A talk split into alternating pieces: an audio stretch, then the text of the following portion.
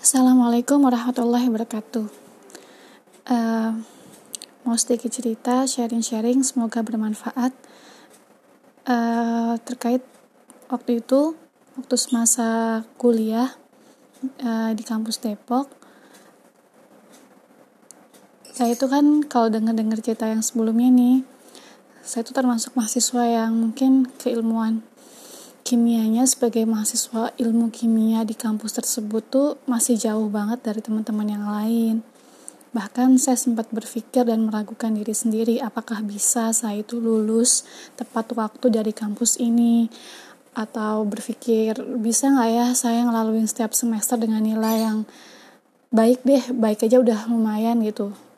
Lulus gitu. Bisa nggak ya? Saking insecure saking ngerasa ya memang pada saat itu kayak banyak banget materi-materi yang saya nggak tahu dan harus saya kejar. Tapi saya punya kebiasaan di awal setiap saya menempuh pendidikan memulai sesuatu dengan target atau impian-impian yang mau dicapai. Walaupun sebenarnya uh, saya sendiri banyak mengalami kekurangan yang rasanya target itu susah dicapai gitu dengan kondisi saya dengan kekurangan yang saya miliki. Tapi entah kenapa saya tuh selalu jadi kayak kebiasaan ya habit setiap awal kuliah atau setiap awal menempuh pendidikan tertentu. Jadi di awal dengan target impian yang mau dicapai ya masalah impian itu tercapai tidak tercapai yaitu hmm, itu bukan lagi hak prerogatif dari saya pribadi tapi itu udah urusan sama sang sang maha pencipta kan? Tapi yang pasti saya harus punya semangat. Sebenarnya sih karena saya cari sumber cari sumber semangat maka uh, saya coba selalu membiasakan mempunyai target kemudian ya impian-impian yang mau dicapai biar tidak berlalu begitu saja setiap semesternya. Dan impian tersebut saya tulis di kertas ditempel gitu. Kalau waktu itu saya di uh, lemari jadi tempat saya sering lalu lalang di kamar selalu melihat matanya tuh kalau pagi tuh pasti otomatis ya lihatnya juga ke lemari. Jadi saya selalu lihat itu dan juga ditempel di uh, pintu kamar kos ya sebelum keluar. Dan salah satu impiannya adalah saya pengen banget waktu itu jadi mahasiswa yang paling duluan conference-nya jadi kalau di kampus saya waktu itu kalau ingin lulus dapat ijazah ya harus publikasi, harus punya sertifikat conference. Dan saya nulis saya ingin menjadi mahasiswa yang paling duluan conference di semester 3 kan kebanyakan teman-teman saya atau kakak tingkat saya itu semester 4 baru conference. Jadi saya punya impian pengen ini di semester 3 atau lebih dulu lah dari teman-teman yang lain. Uh, sebenarnya niatnya apa justru saya saya ketakutan kalau memang konferensinya harus di semester akhir karena kemampuan kimia saya biasa aja pasti fokus saya lebih ke penelitian terus saya saya harus mikirin conference juga. Conference itu kan gak mudah dulu belum ada corona ya kita harus pergi ke tempat conference yang belum tentu dekat dari posisi kampus kalau jauh membutuhkan waktu berhari-hari bagaimana? Uh, jadi pertimbangannya karena pengen fokus di semester 4 untuk penelitian. Jadi saya punya motivasi konferensinya kalau bisa di semester 3 deh biar agak lebih tenang gitu di semester 4 nya walaupun kayaknya emang yakin bisa gitu orang yang uh, lebih berpengalaman ilmu kimianya aja ya mungkin uh, harus berjuang keras banget untuk bisa conference di semester 3 dengan cepat. Karena kan datanya berarti harus segera didapatkan kemudian harus segera masuk lab dengan cepat. Padahal uh, masuk lab itu biasanya di tengah-tengah semester 3 gitu ya. Jadi agak enggak rasional tapi ya udah ya namanya juga impian ya namanya target. Nggak ada salah juga kan ditulis. Kalau memang agak meleset kan jadinya nggak nggak telat-telat banget lah. Kalau memang harus di semester 4 ya ya nggak apa-apa juga ya ternyata iseng-iseng nulis itu ya Allah ijabah gitu ya lagi-lagi ya karena ya hebatnya Allah gitu. Di semester 3 tiba-tiba kakak tingkat uh, ngasih kabar bahwa uh, dosen pembimbing saya juga termasuk dosen pembimbing kakak tingkat saya meminta saya untuk uh, menghadiri conference waktu itu di Bali menggantikan kakak tingkat saya yang seharusnya berangkat jadi kakak tingkat saya waktu itu ada bentrok ya, bentrok dengan umrohnya sehingga nggak bisa hadir di conference tersebut. Saya senang dong ya, saya pikir oh ke Bali gitu, mikirnya ke Bali aja gitu jalan-jalan, ya udahlah gitu kan. Uh, saya ke sana deh gantiin kakak tingkat aja hitung-hitung jalan-jalan dan sekalian latihan kan conference tuh gimana sih uh, kemudian ketemu orang-orang yang hebat-hebat di sana itu bisa dapat ilmunya juga kan jadi kayak nggak ada ruginya juga sih. Senang tuh di awal tapi pas dijalaninya ternyata itu nggak mudah. Karena ternyata produk kakak tingkat saya itu rusak karena ada mati listrik dulu Jawa Bali. Jadi mau nggak mau di detik-detik waktu yang sempit itu kakak tingkat saya juga udah mau pergi ya udah jadwal umrohnya kita harus buat produknya lagi ngambil data lagi uji-uji lagi dan saya dipaksa untuk bisa. Situ saya mulai kesel sebenarnya saya mulai kesel karena uh, ya saya mau uh, menerima tugas dosen ya karena saya pikir hanya ke Bali aja saya hanya presentasi dan selesai. Ternyata harus buat produk. Walaupun sekarang nih kalau saya mau uh, sam, apa kalau sekarang kondisinya saya nyampein pendapat saya terkait kondisi waktu itu saya bersyukur banget karena saya bisa diajari kemampuan laboratorium lebih awal jadinya kan. Teman-teman saya yang lain masih nyusun proposal saya sembari nyusun proposal udah di udah diajarin ya beberapa teknik di laboratorium untuk untuk penelitian saya sendiri nanti tapi saat ngejalaninya itu itu nggak mudah karena sampai nginep malam pulangnya subuh di lab. Terus dengan kondisi saya yang sama sekali nggak ngerti pakai alat ini gimana dan harus bisa itu kayak dipaksa cepet gitu. Bahkan pernah hari minggu juga ngelap digangguin makhluk-makhluk halus kayak ya Allah gini amat. Udah mah ke Bali sendiri. Saya pikir pembimbing saya itu akan nemenin. Ternyata enggak dong. Saya tiketnya sendiri penginapan semua sendiri. Berangkat sendiri dari kos-kosan. Jadi kayak awal-awal tuh banyak ngeluhnya ya. Memang saya tuh ya manusia tuh banyak ngeluhnya ya. Ngerasa kayak kok jadinya kayak sedih ya saya ya gitu. Kayak saya harus ngerjain ini ngerjain itu. Padahal nanti pada ujung-ujungnya pun saya pikir ya itu nggak akan berefek pada penelitian saya juga nggak akan berefek pada publikasi saya yaitu penelitian kakak tingkat saya. Saya mungkin bisa masuk namanya di publikasi tapi kan bukan penulis pertama pasti. Dengan tantangan yang harus sendiri berangkat nggak tahu di sana sama siapa di Bali. Ya banyak ketakutan dan kayak apa mundur? Tapi nggak mungkin uh, gimana di saya di mata dosen pembimbing gitu kan. Uh, dan juga saya mikir kasihan juga kakak tingkat saya juga. Akhirnya ya udahlah gitu kan berangkat deh gitu dengan setengah hati mungkin agak-agak agak-agak sedikit ngeluh-ngeluh gitulah ya. Kemudian sampai di sana beneran gitu ya adegan-adegan salah hotel lah, salah tempat conference lah, udah terjadi. Namanya juga sendiri di sana. Bayangin pas saya datang awal-awal di conference tuh semua orang tuh pasti ada temennya gitu. Artinya mereka berangkat dari kampus mereka atau berangkat dari tempat mereka. Karena kebanyakan pesertanya dosen waktu itu. Tempat mereka bekerja sebagai dosen tuh kebanyakan mereka tuh nggak sendiri. Pasti ada partner dosen lain kah? Uh, kayaknya sendiri saya doang deh, kayaknya ya yang di hotel sendirian itu juga cuma saya yang di kamar cuma sendirian. Yang lain tuh kayak punya teman-teman gitu sekamar. Dan saya jadi orang yang paling aneh karena apa-apa sendiri makan sendirian. Ya kadang mau ngobrol juga agak bingung ya karena kebanyakan pesertanya dosen. Dan dosen-dosennya tuh kayak udah dosen S3 yang sudah senior-senior gitu yang kayaknya muka saya itu ketahuan banget mahasiswa polosnya gitu tapi ya udahlah saya coba nikmati aja. Saya anggap ya ini liburan saya anggap ya ini kelebihan teman-teman saya yang lain belum ngerasa ini conference uh, seperti ini. Saya udah duluan nih kayak ya banyak mikirin hal-hal positif biar tetap happy.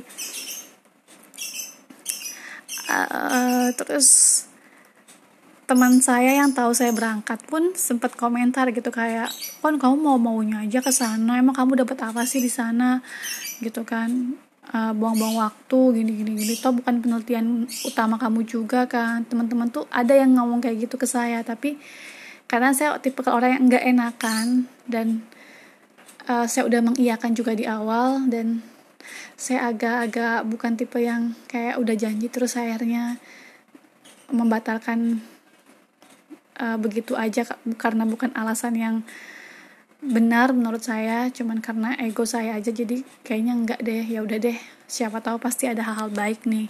Saya masih nyari tuh sebenarnya apa sih sampai saya harus kenapa saya yang harus ke sini gitu sendirian pula ke Bali waktu itu. Ya akhirnya saya conference menyampaikan dengan bahasa Inggris ya itu agak gugup juga uh, diserbu banyak pertanyaan dan saya sempat sedih karena ada peserta lain yang ketika ditanya sama peserta lain tuh dia kayak dibantu gitu sama dosennya. Jadi dosen pembimbing itu datang dan ngebantu dia kayak my God, ya Allah gitu. Dia dia enak banget ada pembimbingnya. Saya sendirian diserbu pertanyaan saya cuma bisa ngeles kalau enggak ya mengakui kesalahan aja. Itu cari aman ya.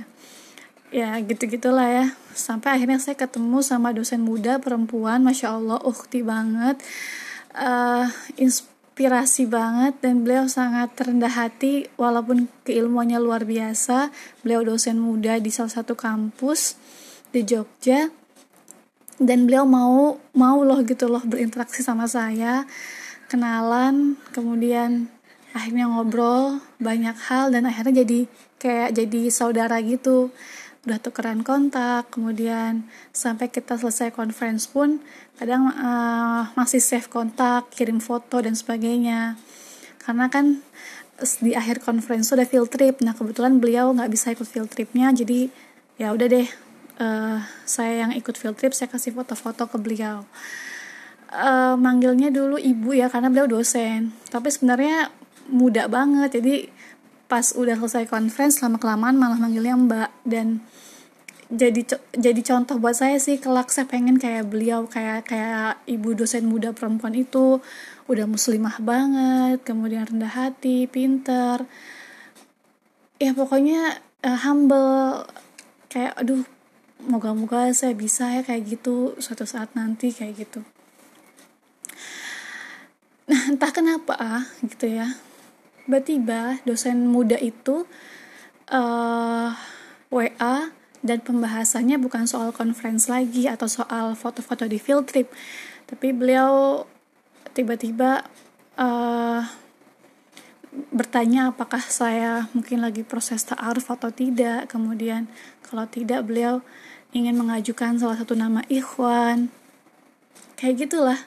Pas udah selesai conference waktu sudah berlalu gitu ya uh, karena memang beliau juga punya guru ngaji saya juga punya guru ngaji dan beliau tahu bahwa pasti perlu pertimbangan banyak dari orang tua dan guru ngaji maka beliau ya ngasih waktu untuk saya pribadi untuk apakah mau menerima uh, ikhwan tersebut yang tidak lain adalah masih mahasiswa juga di kampus saya juga. Ternyata satu kampus cuman beda fakultas dan gak pernah kenal sama sekali ya kita sama-sama kenal dosen muda perempuan tersebut gitu ya.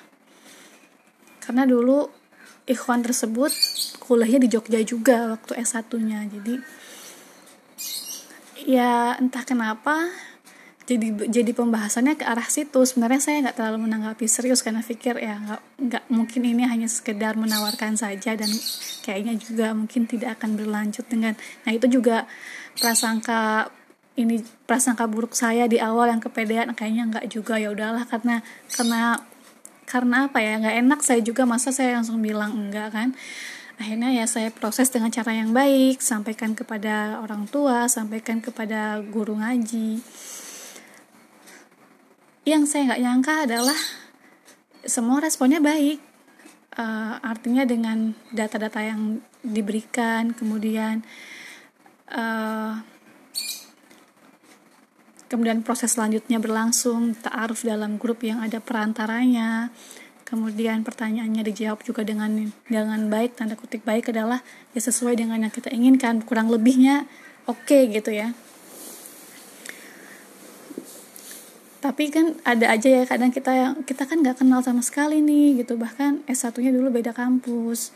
Ya S2 nya aja satu kampus tapi itu pun nggak pernah ketemu sama sekali. Beda fakultas dan beda angkatan juga saya lebih angkatannya semesternya di S2 ini eh, lebih satu tahun dibandingkan beliau. Tapi waktu S1 beliau angkatan 2011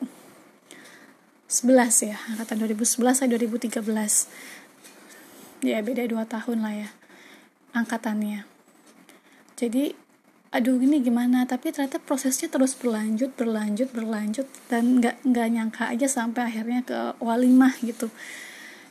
Terus saya mikir ya Allah engkau harus membawa saya ke Bali dulu untuk akhirnya bertemu dengan jodoh atau bertemu dengan uh, sosok laki-laki yang akhirnya mengucapkan uh, ijab dan kabul bersalaman dengan ayah saya.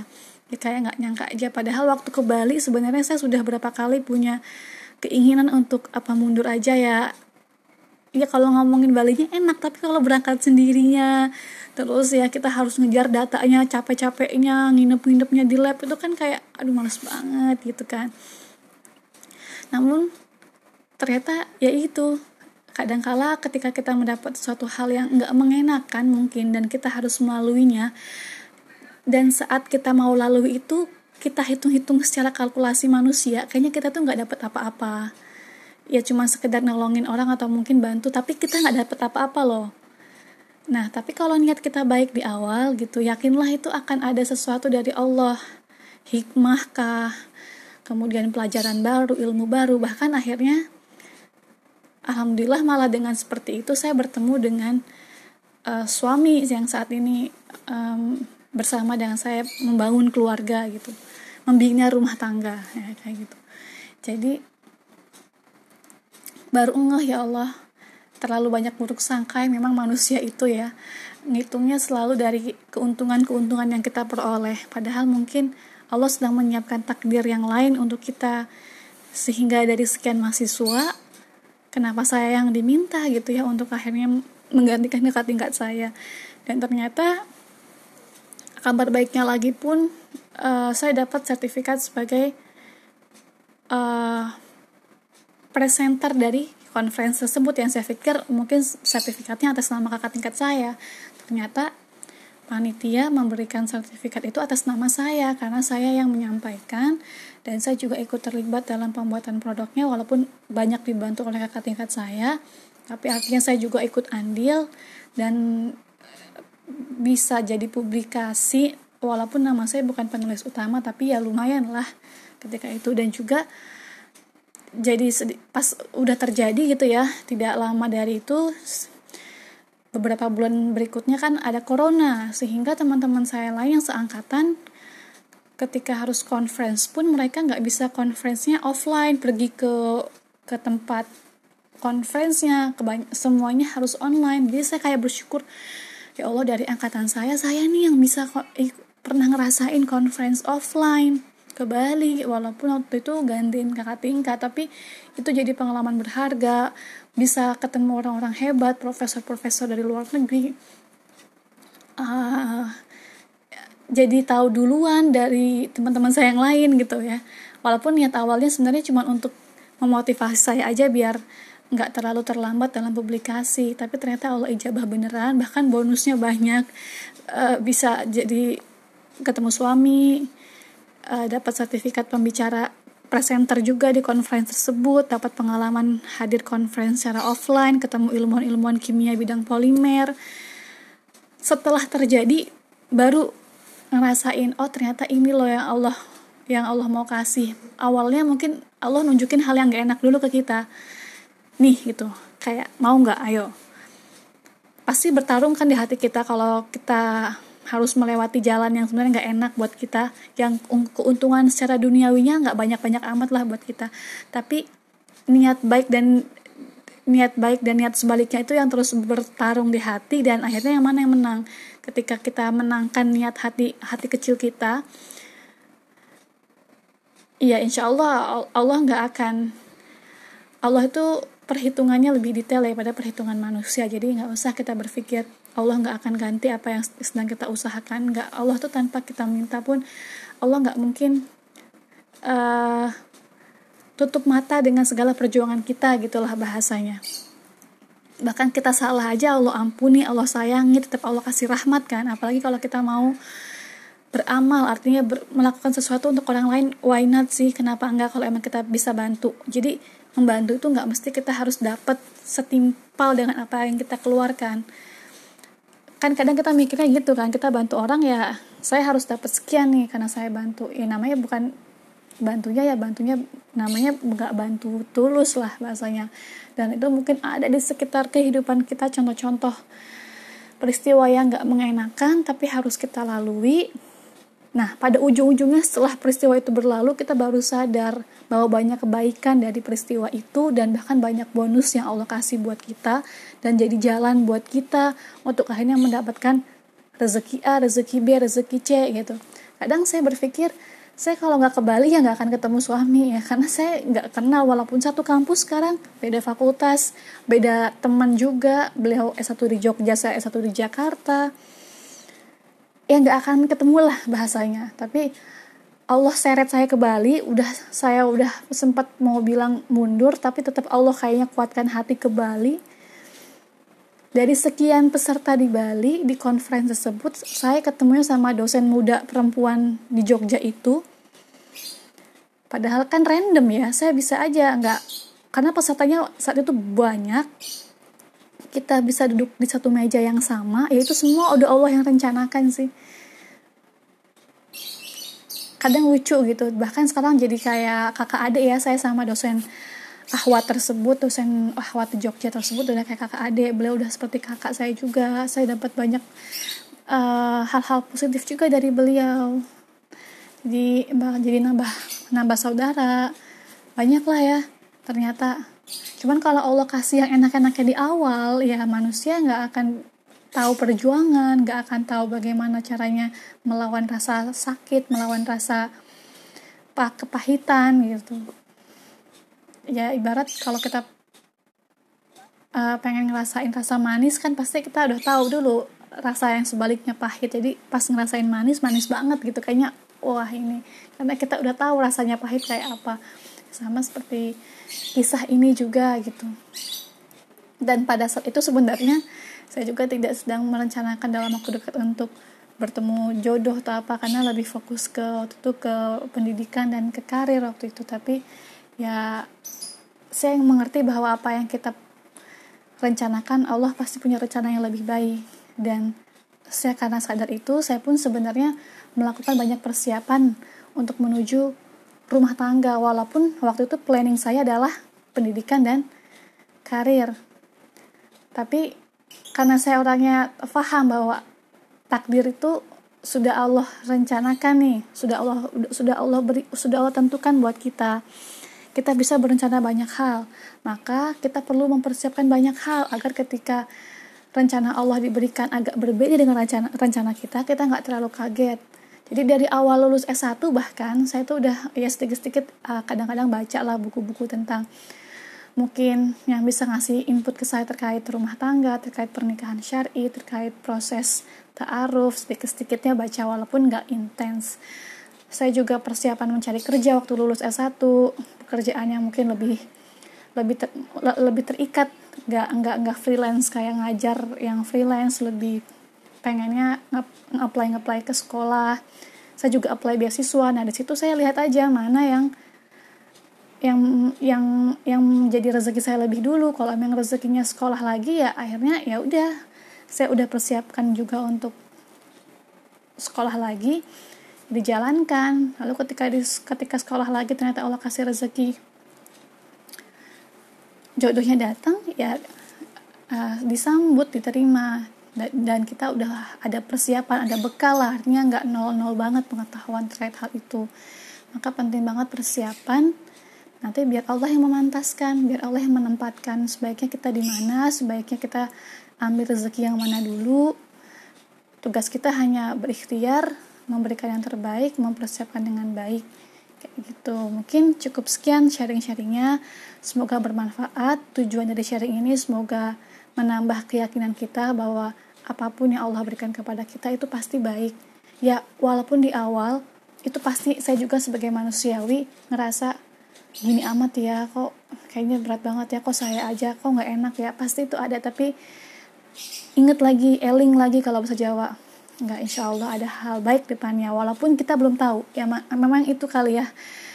Kewajiban kita sebagai orang yang beriman kepada Allah dan Rasul kita harus yakin walaupun yang kita yakin itu mungkin belum ada di depan mata kita tapi yakin dulu aja deh gitu ya. Uh, mungkin sekian. Yang mohon maaf wassalamualaikum warahmatullahi wabarakatuh